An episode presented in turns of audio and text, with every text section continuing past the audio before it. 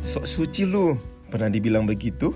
Di sini Tuhan ingatkan kita lagi untuk jaga kemurnian diri. Banyak dari kita itu gengsi untuk melakukan kebaikan seperti menyebarkan kebaikan Tuhan. Karena apa? Karena hanya sedikit dari teman-teman kita yang dukung kita untuk melakukan itu Dan banyak teman-teman kita yang akan ngata-ngatain kita Ah, sok suci lu Banyak dari kita yang juga masih ikut-ikutan sama teman-teman kita Misalnya, Eh, kamu mau coba sesuatu nggak? Ikutlah, sekali-sekali dong, bisa dong. Ini kan enak, nggak dosa.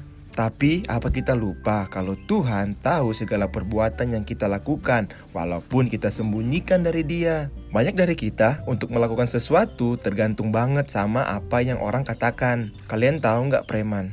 Iya, preman jalanan yang nggak takut sama apa pun. Walau banyak banget resiko yang dia tanggung, dia tidak takut apa pun yang dia hadapi dengan tujuannya yang salah. Kadang aku mikir, kenapa sih kita nggak jadi kayak mereka yang berani melakukan segala risiko yang mungkin tujuannya negatif, sedangkan kita tujuannya positif. Kita tujuannya nyebarin kebaikan Tuhan yang kita alami dalam kehidupan kita, maupun untuk kemuliaan Tuhan aja kita nggak berani.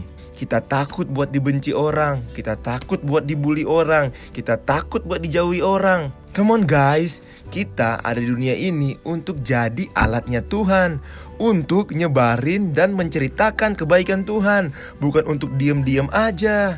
Mulai hari ini semangat terus ya para jembatannya Tuhan. Dalam 1 Timotius 5 ayat 22b Jagalah kemurnian dirimu